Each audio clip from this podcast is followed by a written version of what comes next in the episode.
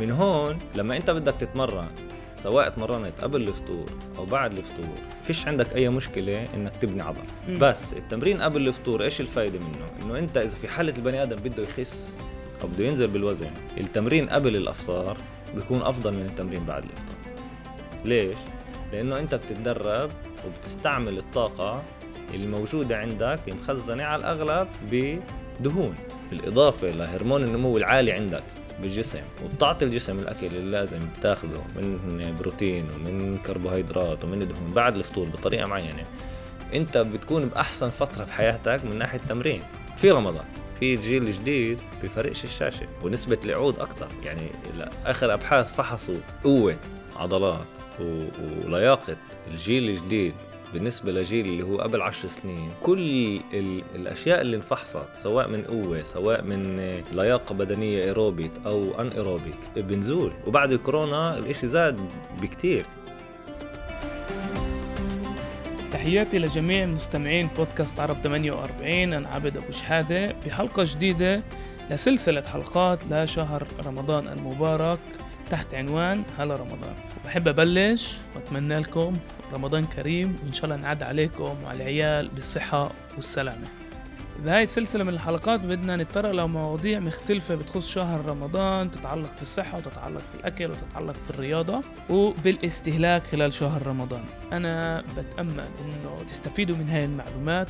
وإذا حبيتوا الحلقة وحبيتوا البرنامج ما تنسوش تتابعونا على جميع تطبيقات البودكاست. بتلاقونا على جميع تطبيقات سبوتيفاي أبل جوجل وطبعا ممكن تسمعونا عبر تطبيق موقع عرب 48 واليوم معي في التسجيل المعالج الطبيعي عبد نحفاوي. عبد له 12 سنة بيشتغل بالمجال رافق فرق football من الدرجة الأعلى ولعيبة football ورياضيين من أعلى مستوى.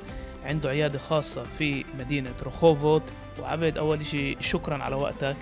وزي ما اتفقنا بهاي الحلقة بدنا نحكي شوي عن الرياضة في شهر رمضان. بس قبل ما اتطرق لسؤال مليون الدولار يعني هل ممكن نتدرب برمضان أم لا؟ إذا مفيد أم لا؟ حبيت أبلش التسجيل عن ال social media عشان بالسنين الأخيرة أولا إحنا شايفين إنه أكتر وأكتر ناس بالفعل بتتدرب وهذا طبعا إشي منيح وإيجابي. ولكن في علامة سؤال على كل المعلومات اللي بتجينا من ال social media. فخلينا قبل ما نحكي عن الصيام والتمارين وإحنا صايمين بس خلينا نبلش نحكي شوي عن ال social media وعن المعلومات اللي بتوصلنا من هاي المنصات. رمضان كريم. كل سنة وأنتم سالمين. بدي أبدأ قبل ما نحكي على سؤال ال ال ال الأكثر شهرة برمضان أو سؤال المليون برمضان. بنفع نتمرن أو بنفعش؟ هو حسب رأيي أهم إشي لازم إحنا شوي نتفكر قبل ما ما نسمع ونقرر. هو الخبابيص اللي إحنا بنسمعها اليوم بال social media. إيه، اليوم إيه، كل حدا بحب يشوف حاله شوي مشهور. أو بحب يشوف حاله على ال social media ببلش يعطي نصائح تغذية صوموا ما تصوموش كلوا ما تاكلوش اشربوا ما تشربوش تمرنوا أو لا. الإشي كتير خطر يعني فيش رقابة. أي بني آدم اليوم بيقدر يشتري followers وبيقدر يشتري العلامة الزرقاء وبيقدر يعطي الناس نصائح عن التغذية عن العلاج عن ال... عن الأكل عن الشرب بدون أي أساس علمي أو إذا كان في أساس علمي بيكون مبني على ترند إذا بدنا نحكي على الترند يعني إحنا اليوم آه، بعد آه، آه، انتشار الاسلام ب 1400 سنة المسلمين بيصوموا من وقتها. واليوم في الترند الجديد اللي هو بالعربي الصيام المتقطع.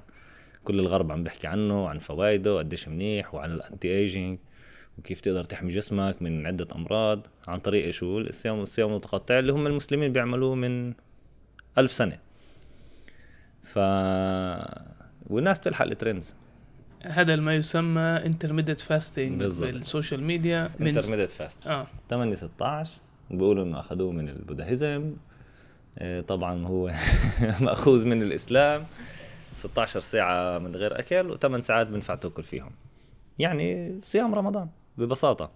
فاللي بدي أقوله إنه جماعة قبل ما تأخذوا معلومة حتى. إحنا يعني إحنا أنا بحكي عن حالي كأنا ك... كمعالج طبيعي. مع كل سنين الخبرة اللي عندي ومع كل ال- الأشياء اللي بقراها كثير بكون حذر قبل ما أعطي معلومة إلا ما أتأكد منها يعني بتأكد منها في إشي بالعلم اسمه evidence based. اللي هي معلومة موثقة علميا عن طريق بحث في أسس عشان هذا البحث أنت تعرف إذا هو بحث من ناحية الجودة تبعته جودته عالية أو جودته خفيفة وهلا بعد المقدمة نبدأ. بينفع ما نصور عنديش كتير followers بال social media أنا بديش يكون عندي بدنا نحكي عن رمضان. رمضان شهر كتير مفيد. من ناحية صحة من ناحية ذهنية ومن ناحية رياضية. أوكي؟ إيه إذا بدنا نحكي على الجسم. الجسم هو هو جهاز أو جهاز مكون من عدة أجهزة صغيرة. جهاز القلب الجهاز العصبي الجهاز العضلي الجهاز العظمي الجهاز ال- ال- التنفسي الجهاز ال- الهضمي الجهاز الغدد. ال- أو الجهاز الهرموني وهو أهم جهاز اللي بيلعب دور وهو اللاعب الأساسي برمضان. هو الجهاز الغدد الصماء اللي هي جسيمات صغيرة بتفرز هرمونات اللي بتنظم شغل الجسم. يا بتحفز طريقة عمل معينة أو بتوقف أو بتخفف طريقة عمل معينة. طبعا نحن بنعرف إنه الجسم بب- بيبني حاله أو بيشتغل على الطاقة. يعني عشان أنا أقدر أعمل مهمة معينة تعال نحكي إيه، ركض مسافة 5 كيلومتر. لازم يكون عندي طاقة معينة اللي أقدر أعمل هاي ال- ال- المهمة. هلأ إذا بدنا نحكي عن كمية ال ال ال الطاقة المخزنة بالجسم وإذا إحنا بنحكي على طاقة هي للحياة اليومية أو عشان الإنسان يضله عايش لو البني آدم ما أكلش أسابيع ممكن يضله عايش. طبعا إحنا بنحكي على ظروف عادية مش إنه ظروف يكون حم كتير أو برد كتير. شفنا الزلزال بتركيا كانت ناس تحت الأنقاض 10 أيام 12 يوم. ومع شوي مي أو إذا كان عندها شوي مي قدرت تعيش. امم طبعا هذا لأنه إحنا في بجسمنا مخزن طاقة كفاية اللي إحنا نقدر نعيش منها.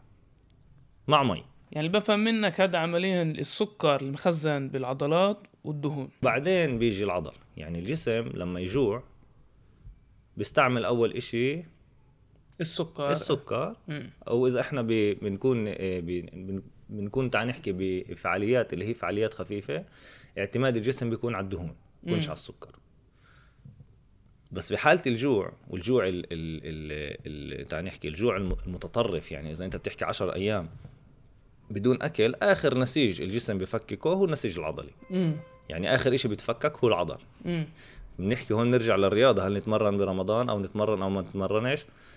وشو بده يصير في في الكتلة العضلية برمضان؟ هل راح تنزل؟ راح تختفي وكل اللي بنوا عضلاتهم هو راح يروحوا برمضان. طبعا هذا إشي غلط. أوكي. يعني اللي أنت بتقوله عمليا إنه في بجسمنا كافي سكر و... ودهون. ودهون.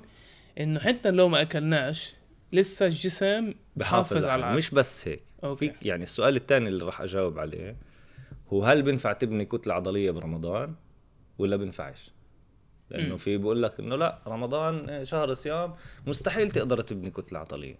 خلص يعني بفتي فيها. بقول لك أنا طب جبت الأساس الحكي هذا من وين؟ فيش له أساس طبعا. هلأ مم. راح أفسر ليش الحكي هذا غلط. نرجع للي حكينا عليه اللي هو الغدد. امم في لاعبين أساسيين اللي هم بيلعبوا دور برمضان بالذات وبحياتنا بشكل عام اللي هم من هرمون النمو والإنسولين. أوكي؟ زي ما حكينا الجسم بيعتمد على الطاقة. الطاقه هي بتجينا من الأكل. لما إحنا نأكل الأكل بفوت على الجهاز الهضمي بتحول لسكر ترتفع نسبة السكر بالدم. ارتفاع نسبة السكر بالدم هي خطر على الجسم. امم وهي السكري عمليا السكري. للي عنده آه مش اللي عنده سكري كل إنسان هلا أنت إذا أكلت ورحت عملت فحص دم بده يكون السكر عندك عالي آه يعني مقصد السكري هي لما الجسم بيعرفش يع- يعني السكر ما. بيعرفش يتعامل مع السكر أوكي. لكن الجسم فيه جهاز امم اللي هو جهاز الغدد الصماء أو الهرموني اللي هو مسؤول عن إنه يحافظ على نسبة الأملاح بالجسم معتدلة نسبة السكر بالجسم معتدلة نسبة آه، آه، آه، من ضغط الدم يكون معتدل دقات القلب تكون معتدلة. هو الجهاز المسؤول عن هاي الشغلة. هو اللي بيفتح وبسكر بيقول اشتغلوا ما تشتغلوش دخلوا الدهون ما تدخلوش. هي- هيك يعني. فإحنا بنحكي هلأ على الأنسولين. الأنسولين هي مادة بفرزها البنكرياس بعد الأكل. لما بترتفع نسبة السكر بالدم وظيفتها تحويل السكر لدهون أو إدخالها على الخلايا في يعني بدناش نحكي أكثر من من اللازم فيزيولوجيا بس هو مسؤول عن الحفاظ على نسبة السكر معتدلة بالدم. امم هو المسؤول عن إنه يأخذ السكر من الدم يفوته على الخلايا اللي لازم يروح عليها. وهيك إحنا بصيرش عندنا سكري. مرض السكري أو اللي بيعانوا من السكري في نوعين سكري. ال ال الأغلبية عندهم آه، بيكون يا إما آه، الجسم بيفقد الحساسية للإنسولين. حتى لو أنت بتفرز إنسولين الجسم ما ما بيستجيب للإنسولين. أو إنه الخلايا اللي بتفرز الإنسولين بتتضرر وفيش إنسولين كافي. راح راح نفوت ونحكي على السكري بحلقة تانية إن شاء الله. اليوم بديش أوسع عنه لأنه الموضوع هو رمضان والصيام. هلأ الإنسولين ال- الهرمون اللي مضاد له أو اللي بيشتغل عكسه هو هرمون النمو. هرمون النمو هو هرمون بيفرزه الجسم بعد الرياضة عشان يبني الجسم.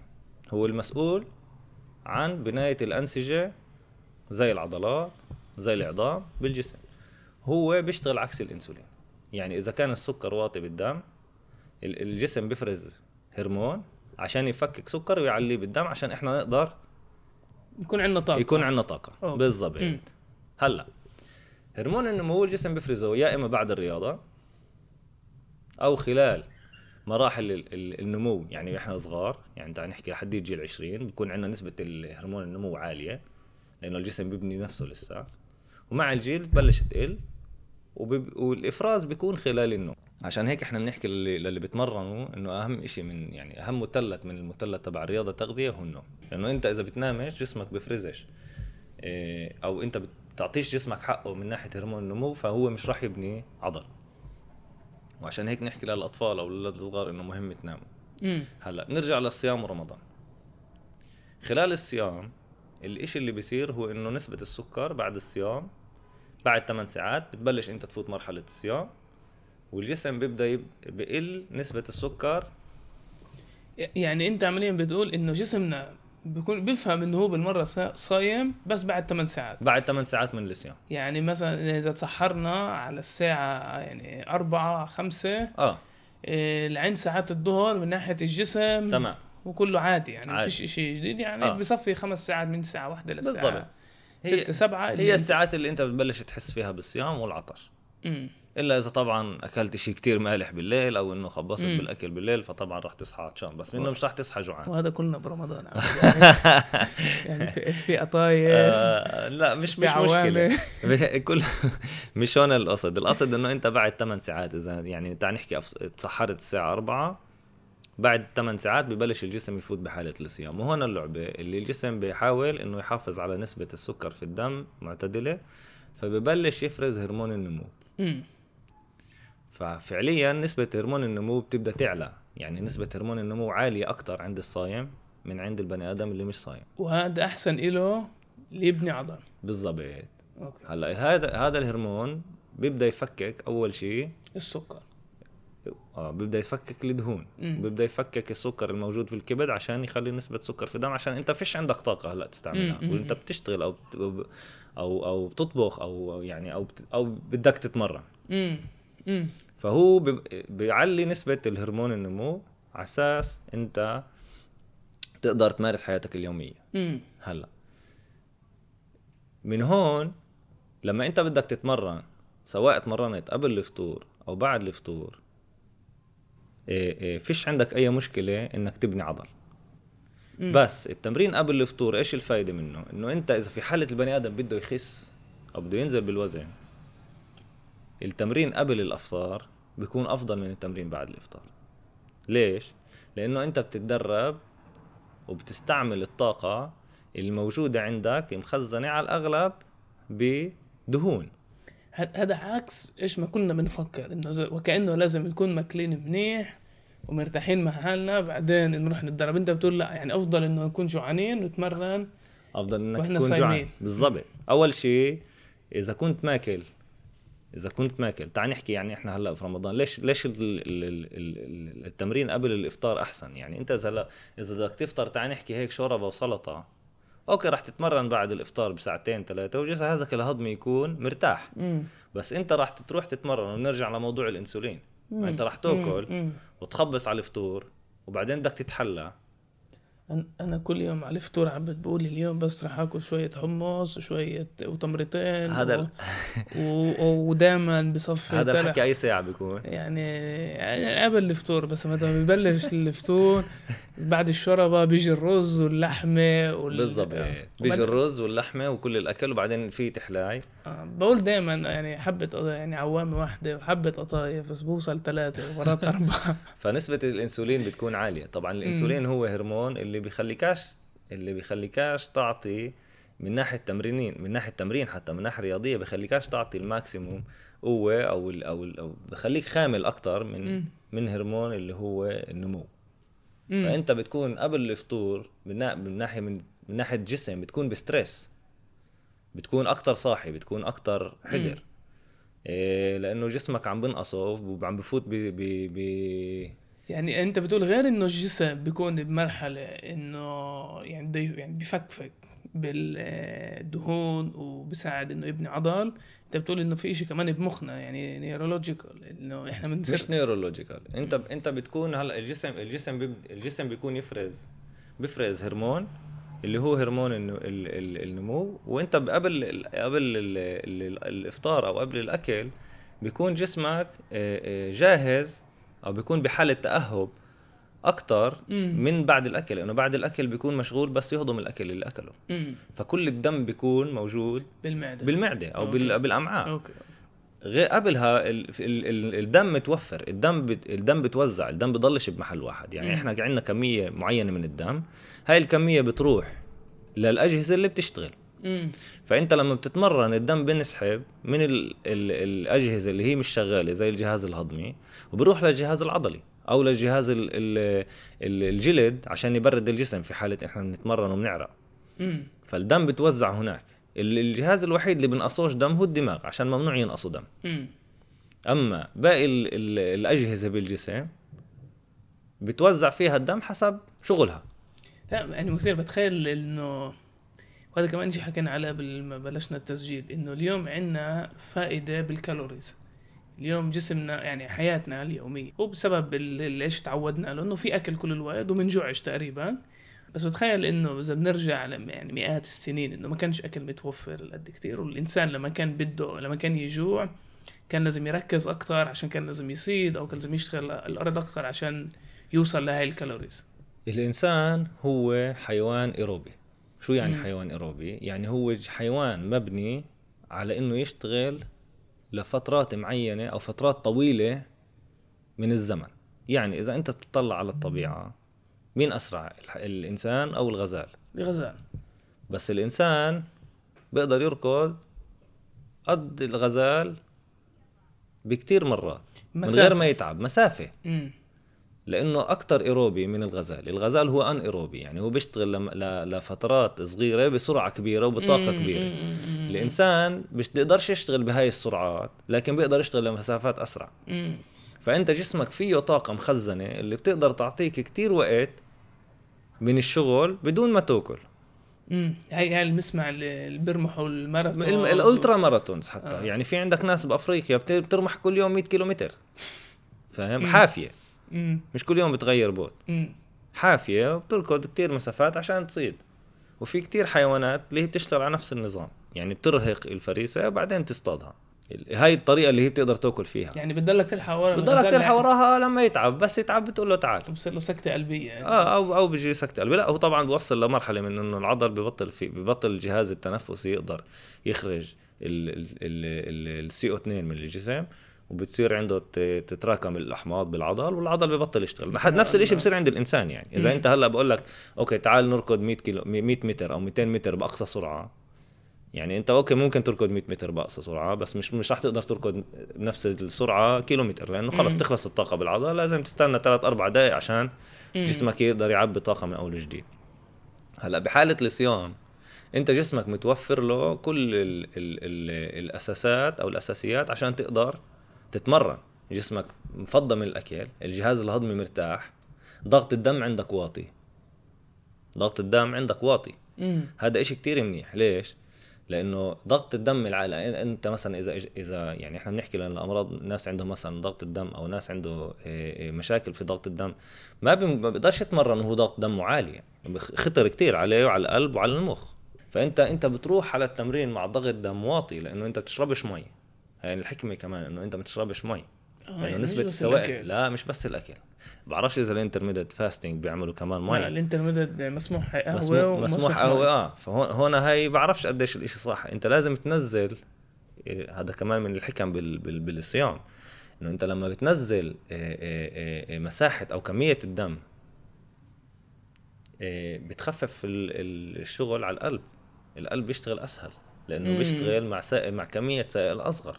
فأنت لما بتبدأ بضغط دم واطي إيه، جسمك ساعتها لما أنت تفوت على الرياضة بتقبل الرياضة وبفوت على الرياضة أحسن من ما أنت تشتغل بضغط دم عالي وجسمك مليان أو فيه أكل. طبعا لازم نحكي هون ونوضح إنه التمرين إذا إحنا بدنا نعمل تمرين ما ينفعش نعمل تمرين HIIT اللي هو high intensive interval training بأول يوم في رمضان ولا تاني يوم في رمضان لأنه الجسم لسه مش متأقلم.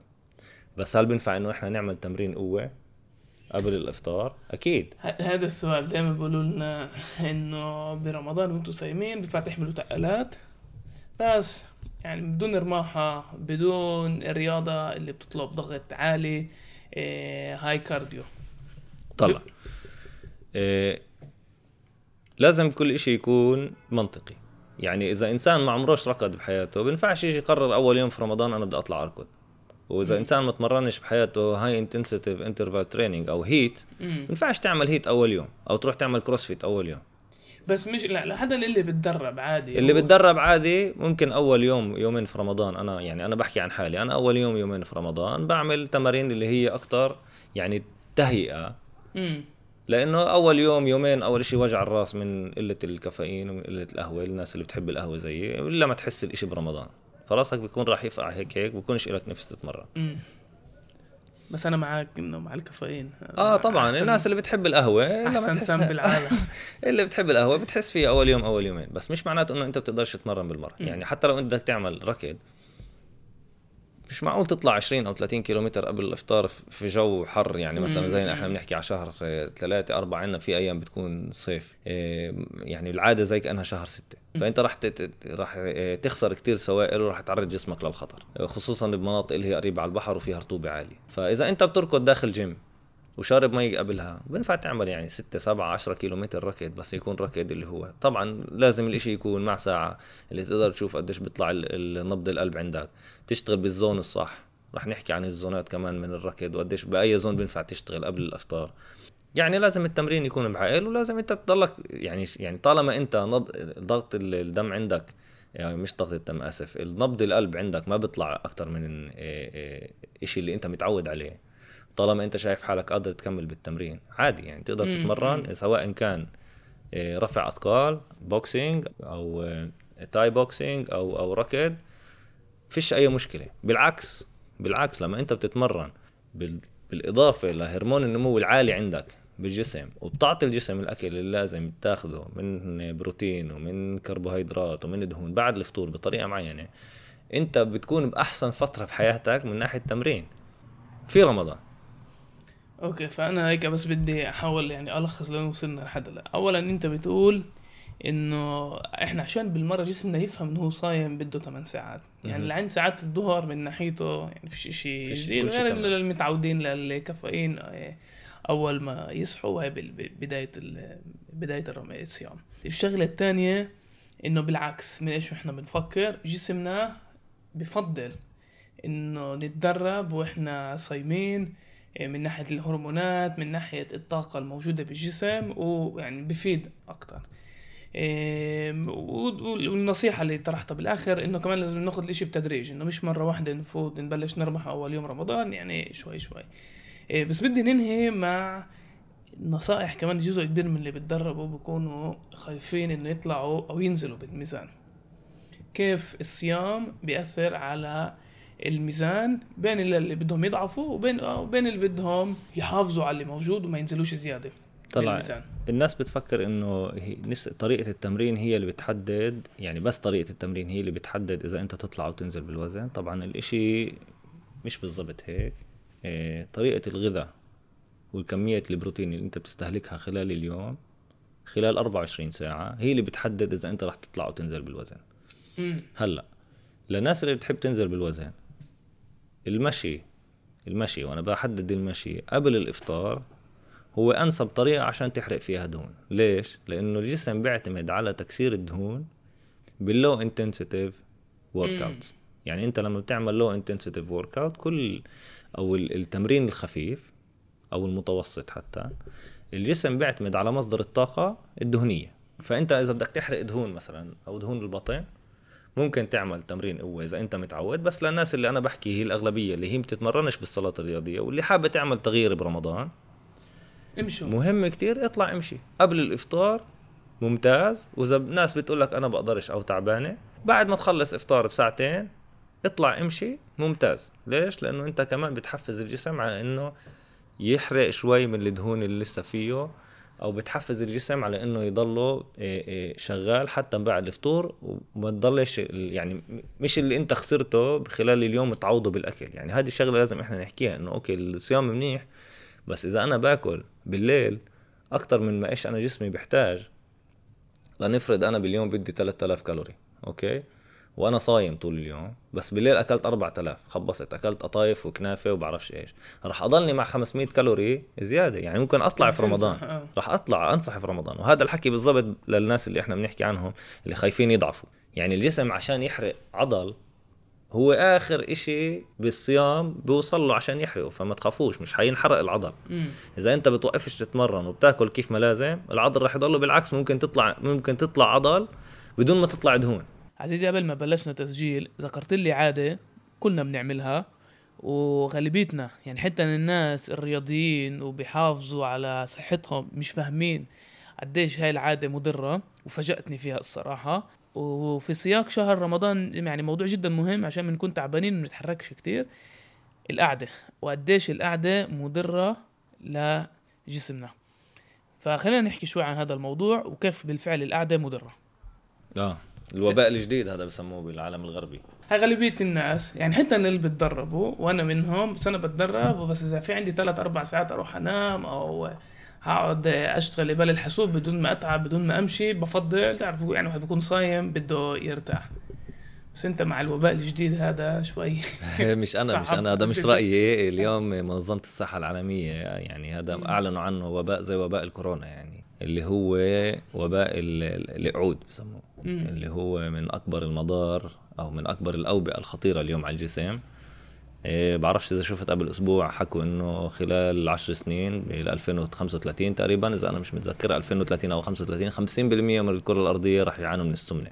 طبعا السمنة يعني سكر عالي. سكر عالي يعني أمراض سرطان لأنه أغلب الأمراض السرطانية بتتغذى على السكر.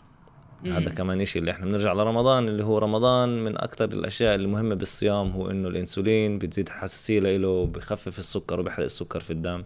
وبيمنعنا أو بحافظ على الأجسام من إنه يطوروا خلايا سرطانية جوا فالقعدة نرجع للقعدة. سبع ساعات ونص في اليوم وبرجع بحكي سبع ساعات ونص باليوم اقعد متواصل أو متقطع.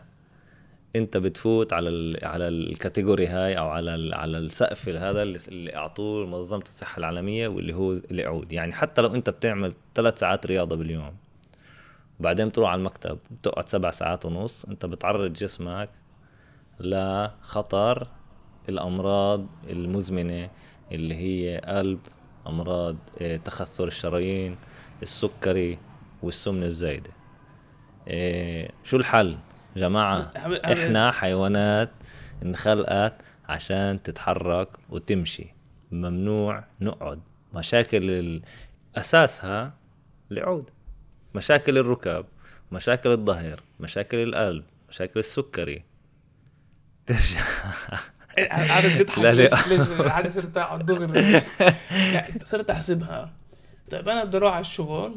بشتغل بحيفا فهي عندي مشوار ساعة ونص ساعة ونص رجعة هي ثلاث ساعات وأنا بالمكتب بدي أشتغل مروح على الدار بدي أقعد آكل بدي أشتغل قبل الحاسوب فهي كمان ساعتين يعني حتى إذا تحركت بباقي الساعات ومش دائما مرات بتقعد مرات يعني بتطلع مشوار مع العيلة وقعدة مش إنه شرط كل الوقت تمشي. سبع ساعات هذا قليل وقت من ناحية إيش إحنا متعودين له. مزبوط مزبوط سبع ساعات هو هو قليل وقت. بس إحنا بنقعد أكتر. يعني إذا أنت بتحسبها هلأ المشكلة مش فيه وفيك المشكلة بالجيل اللي جاي. يعني إحنا جيل يمكن نفد هرب شوي من ال social media هرب شوي. مم. مش من ال social media يمكن من ال... من الشاشات. يعني ما بعرفش إحنا ما. كانش ع جيلنا كتير شاشات بس. إحنا كتير ديناصورات. في جيل جديد آه، بفرقش الشاشة. ونسبة القعود أكتر. يعني آخر أبحاث فحصوا قوة عضلات و... ولياقة الجيل الجديد بالنسبة لجيل اللي هو قبل عشر سنين كل ال ال ال الأشياء اللي انفحصت سواء من قوة سواء من من لياقة بدنية ايروبيت أو anaerobic بنزول. بنزول. وبعد الكورونا الإشي زاد بكتير يعني. يعني أنت اليوم عشان تحرك الولد صرت تحطه بدرس كاراتيه أو أو بدرس فوتبول وخلص بتقول هيو اتمرن اليوم ساعة ونص وهو قاعد عشر ساعات في البيت. طبعا مم. إحنا بنحكي إنه الاولاد الصغار إذا بدنا نحكي على الاولاد الصغار هي لمحه صغيره قديش لازم يتدربوا؟ الولد لازم يعمل باليوم على القليلة على القليلة. 60 س- 60 دقيقة متواصلة رياضة وثلاث مرات تمارين قوة بالأسبوع. هذا بنحكي على الولد الصغير. ويكون أقل عوده من سبع ساعات باليوم عشان بجيل كبير. و- وقديش يعني من الأشياء اللي بنتعود لها هلأ يعني كمان التمارين وكمان الصيام والصيام والتمارين قديش الأشياء اللي بنتعود لها من جيل صغير بتأثر كمان علينا لما بنكبر طلع إحنا اليوم كنا نفكر إنه إنه إذا أنت بتعمل إكس واي أو زد بجيل تعال نحكي قبل إذا بدنا نحكي مثلا على على على النساء. إذا أنت بتعمل رياضة بتمنع هشاشة العظام. يعني الأبحاث الأخرانية بتقول إنه أحسن جيل عشان أنت تمنع هشاشه عظام عند النساء هو انهم يتمرنوا بجيل 17 وعند الإسلام كمان؟ أكيد. يعني إذا أنت بتأخذ هلأ إيه، 20 ولد اللي بيعملوا بيلعبوا فوتبول بشكل إيه، يعني حتى ه- كهواي بس بيلعبوا كل يوم. وبتفحص عظامهم من ناحية إيه، قوة ومن ناحية كثافة بعد 20 سنة وبتقارنهم مع أطفال اللي هم من قضوا حياتهم أو قضوا طفولتهم قدام الشاشات راح تشوف إنه في فرق بال- بالكثافة العظمية راح تشوف إنه في فرق بقوة العظم راح تشوف إنه في فرق بقوة المفاصل. فهذا الجيل كتير كتير كتير حساس وكتير مهم والناس يعني مش كتير واعية لقديش في تأثير لهذا الجيل على حياتنا المستقبلية. وللأسف كمان مرة يعني يا ريت لو الناس شوي تفكر بكل المعلومات اللي بتوصل لنا عن طريق الشبكات التواصل وبتسمع لل- للعمق أكتر وبتدير بالها حالها لأنه يعني الكرة الأرضية مش رايحة لمحل منيح وأكيد صحتنا إذا ما حافظناش عليها مش رايحة لمحل منيح. يمكن أحسن نصيحة إنه يبعدوا عن ال- ال social media ويطلعوا برا يمشوا وينبسطوا شوي من الطبيعة ويتحركوا شوي. عبد نحفاوي. عن جد شكرا عزيزي. شكراً أنا لكم. على الصعيد الشخصي يعني فاجأتني بالمعلومات فكرت حالي يعني شاطر بهاي بهذا يعني هذا مجالي. بس أنا على الصعيد الشخصي جدا استفدت ولا بيني وبين حالي نازل أفكر كيف ما اقعدش كثير إن شاء الله الكل يبدأ يتحرك. يعني حتى لو أنت بتعمل بتقسم وقتك باليوم على أساس حتى لو أنت كنت في في المكتب أو في يعني أنا مثلا هلأ عم بعمل الماسترز بالجامعة وجزء من التعليم أنا بقوم بوقف بوقف بالمحاضرة وعادي يعني قدام ال- المحاضرين بيشوفوني واقف يعني إنه مش واقف ك بس إنه واقف لأنه أنا بحب أضلني واقف. بشغلي أنت جيت عندي مم. على المحل بتشوف إنه أنا دائما بتحرك. مش كل حدا عنده بس يعني إنه في ناس ربنا منعم عليها وهي بتتحرك كتير. إحنا بنحكي عن الناس اللي هي أكتر في المكاتب الناس اللي هي أكتر قدام الشاشات. جماعة الإشي كتير خطر الإشي مش سهل. إيه، حافظوا على على أجسامكم. فيش إشي أهم اليوم من الصحة. إيه، وإن شاء الله رمضان يكون شهر صحة دائما ونجيب لكم أشياء جديدة وأشياء اللي هي خفيفة الظل هيك تكون وتساعدكم وتساعد ال- الجيل اللي جاي اللي هو الجيل المستقبل وتساعد الجيل اللي من جيلنا إحنا والجيل الأكبر منا عشان نفهم جسمنا ونحافظ عليه. بدون أدنى شك وبهذا الروح صوموا تمرنوا تصحوا يعني كنا قبل يعني يعني قبل 1400 سنة يعني لما انتشر الإسلام. الناس كانت تتحرك أكتر. يعني ما كانش عندهم طبعا. يعني كانوا يتحركوا. المفهوم ضمن إنه إذا بت طبعاً. إذا بتقارن قديش كالوريز كانوا يحرقوا كل يوم يعني زي إنسان جدا رياضي المعدل عندنا اليوم. يا جماعة الناس كانت تتحج من من المغرب لمكة مشي آه. يعني بكفي تحج مرة واحدة خلص. عبد نحفاوي المعالج الطبيعي. شكرا على وقتك عزيزي. صوموا وتمرنوا وتصحوا كل عام وأنتم بألف خير. ما تنسوش ما تنسوش تتابعونا على جميع تطبيقات البودكاست. وأهم إشي رمضان كريم. إن شاء الله نعدي عليكم. وعلى العيال بالصحة والسلام